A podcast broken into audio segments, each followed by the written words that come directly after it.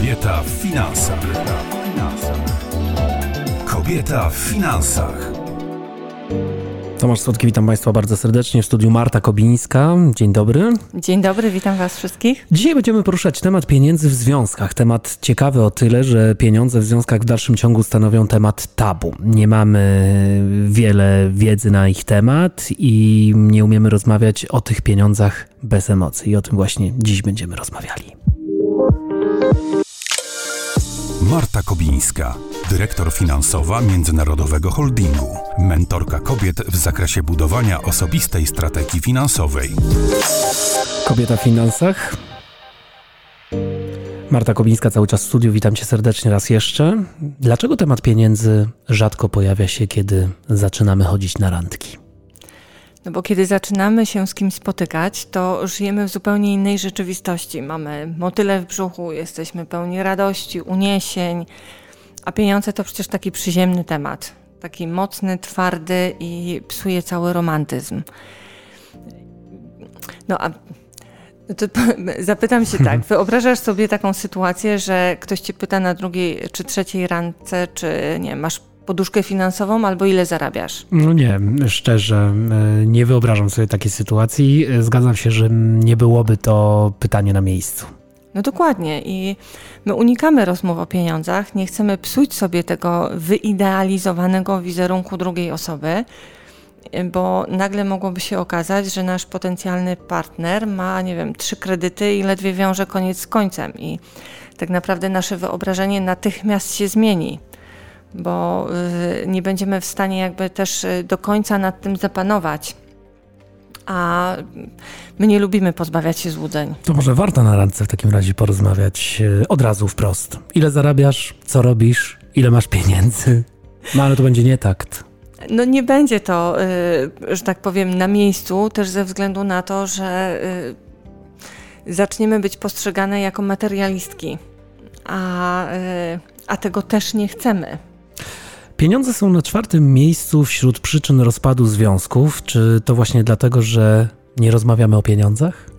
No, kiedy unikamy tematu finansów, to tworzymy sobie taki własny obraz partnera i taką wizję naszego wspólnego życia.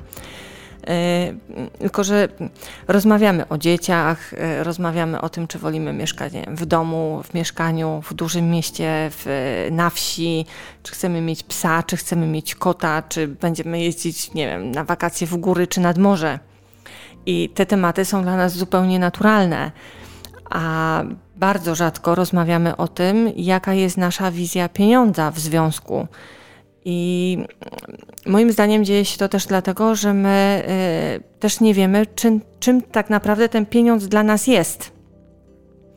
Bo mm, poruszając ten temat, zawsze gdzieś tam z tyłu głowy mamy, że ktoś nas źle odbierze, y, że boimy się też, że kogoś stracimy, bo y, nasz partner będzie mieć zupełnie inny stosunek do pieniędzy niż my. No i te marzenia o wspólnym y, życiu nam się rozmyją. No właśnie, o to nie o to chodzi. Chodzi o to, żeby to jakoś się przecież wszystko układało. Ale często bywa też tak, że się nie układa. Czy możemy y, sprawdzić y, bez pytania drugiej osoby, jak podchodzi do pieniędzy? Możemy, tylko pamiętajmy też, że nasze na nasze obserwacje zakładamy filtry. E, czyli swoje własne doświadczenia, swoje przekonania, schematy, e, które gdzieś tam głęboko w nas e, siedzą i nie zawsze jest to prawdziwy obraz drugiej strony. Ale jednak to pewne wyobrażenie nam, nam da. A co jeśli podejście do pieniędzy będzie diametralnie inne od naszego postrzegania finansów? No myślę, że wtedy powinniśmy szczerze ze sobą porozmawiać i tymi obawami się podzielić. Wtedy mm, też będziemy w stanie ocenić, czy y, jest pole do porozumienia, do kompromisu, do takiego wypracowania wspólnego stanowiska, czy są to różnice nie do pogodzenia. Y, może to być bolesne, bo ta, że tak powiem, bańka naszych marzeń może pędz, może, y, możemy ją stracić, natomiast wydaje mi się, że lepiej to zrobić wcześniej niż, niż później. Marta Kobińska, kobieta w finansach, cały czas w naszym studiu. Jak zbudować dojrzałą relację z pieniędzmi. Osobowość finansowa w pięciu krokach. Przeczytaj e-book autorstwa Marty Kobińskiej. Piasek w butach.pl Piasek w butach.pl Wracamy do naszej rozmowy. Marta Kobińska, cały czas w studiu. Witam Cię ponownie. Witam Was. Jeżeli się nie odważymy porozmawiać na temat pieniędzy w naszym związku, albo nawet przed takim wspólnym no, zamieszkaniem, wspólnym życiem, to może możemy coś jeszcze innego zrobić. Według mnie e, każdy związek e, jest e, swego rodzaju kontraktem. I ja zdaję sobie sprawę z tego, że to nie, nie brzmi zbyt romantycznie, ale kiedy emocje nam opadają, kiedy mija ten stan euforii, to zostaje nam codzienność i to właśnie w tej codzienności musimy wspólnie funkcjonować. Zrobię tutaj taką analogię do biznesu, bo w biznesie umowy negocjuje się w taki sposób, jakby się następnego dnia miało iść do sądu. I te interesy swoje się zabezpiecza i to jest absolutnie normalne. I jakkolwiek nie spadłaby na mnie teraz fala krytyki za takie właśnie podejście pragmatyczne, to związek dwojga ludzi też jest właśnie takim kontraktem. No ja sporo podróżuję po świecie. Muszę ci się przyznać, że ostatnio nawet miałem taką e, dyskusję z Kolumbijczykami, że związek to nie jest kontrakt, że dwie osoby są ze sobą dlatego, że chcą być i nie polega na tym jak w biznesie, że się umawiają na jakieś rzeczy. No ale ja sobie od razu wtedy pomyślałem, że tak naprawdę, no jak nie? Przecież jak zaczynamy razem mieszkać, to musimy ustalić e, pewne rzeczy. Jak e, zaczynamy razem funkcjonować, to, to powinniśmy to ustalać, żeby nie dochodziło na przykład do nieporozumień, konfliktów i różnych niefajnych sytuacji. No, patrząc na statystyki rozwodów, które wciąż rosną, to jednak e, jest to kontrakt i często jakby ta wizja naszego wspólnego życia, ona gdzieś się rozmywa. Właśnie przez to, z jakimi problemami się mierzymy, właśnie też e, te dysproporcje finansowe czasami między, e, e, między dwoma osobami są nie do pogodzenia. Nawet sama wizja pieniędzy, czy w ogóle wartości, jakie wyznajemy, są tak różne, że nie da się tego pogodzić. No, ale wróćmy do tego kontraktu, o którym powiedzieliśmy. Mam wrażenie, że jak na kobietę, to Twoje podejście jest dość zaskakujące. No może tak, może nie. I... Bo przecież chodzi o romantyczną miłość.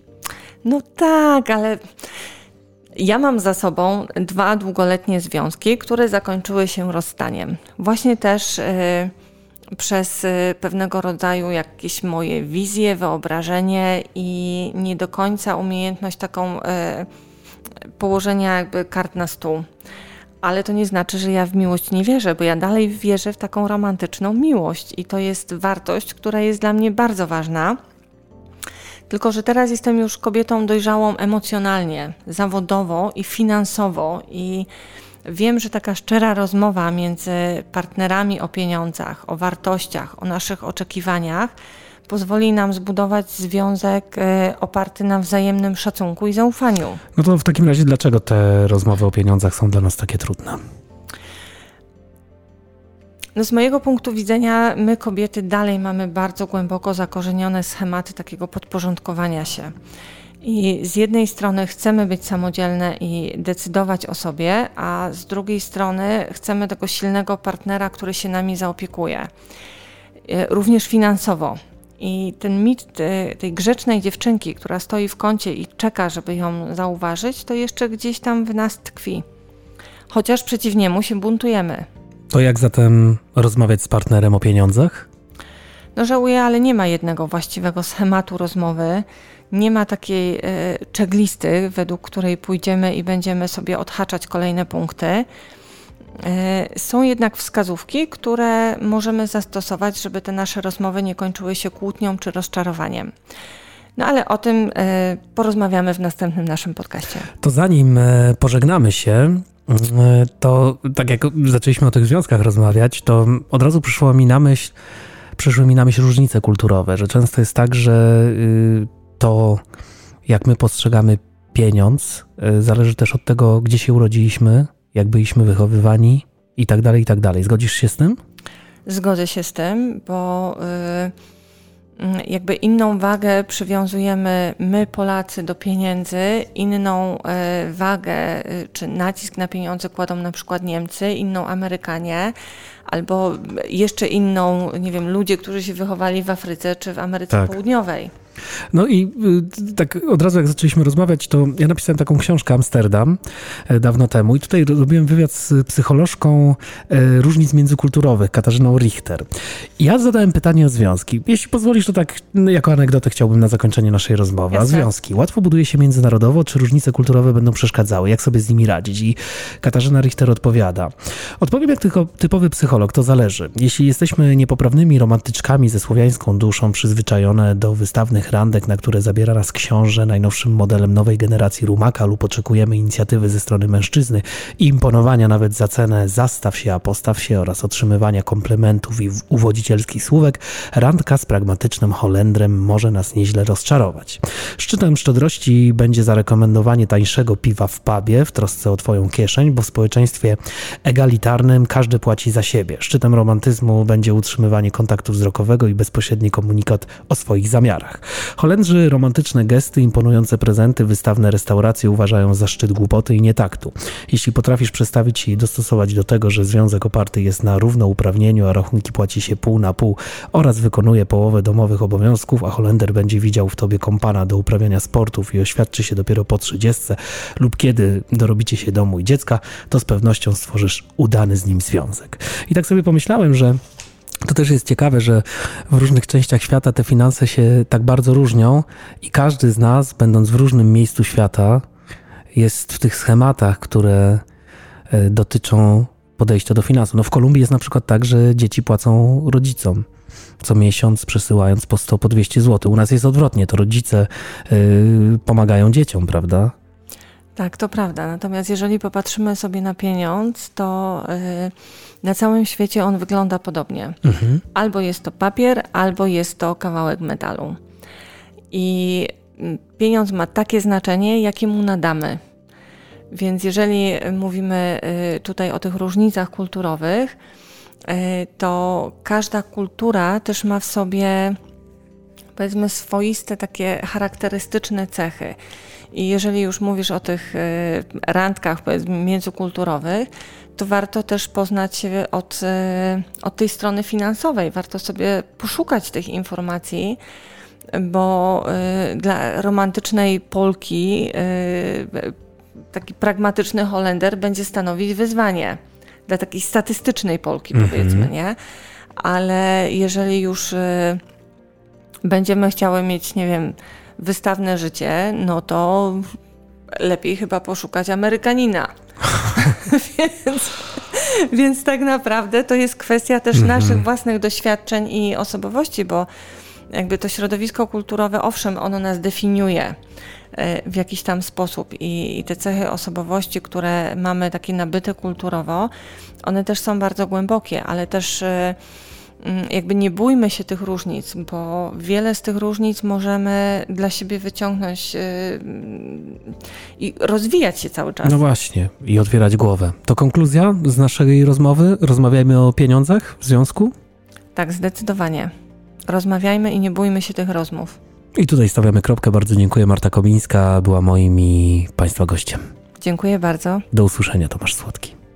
Zobacz nasz Instagram i Facebook Piasek w butach oraz dołącz do grupy na Facebooku Kobieta dojrzała finansowo.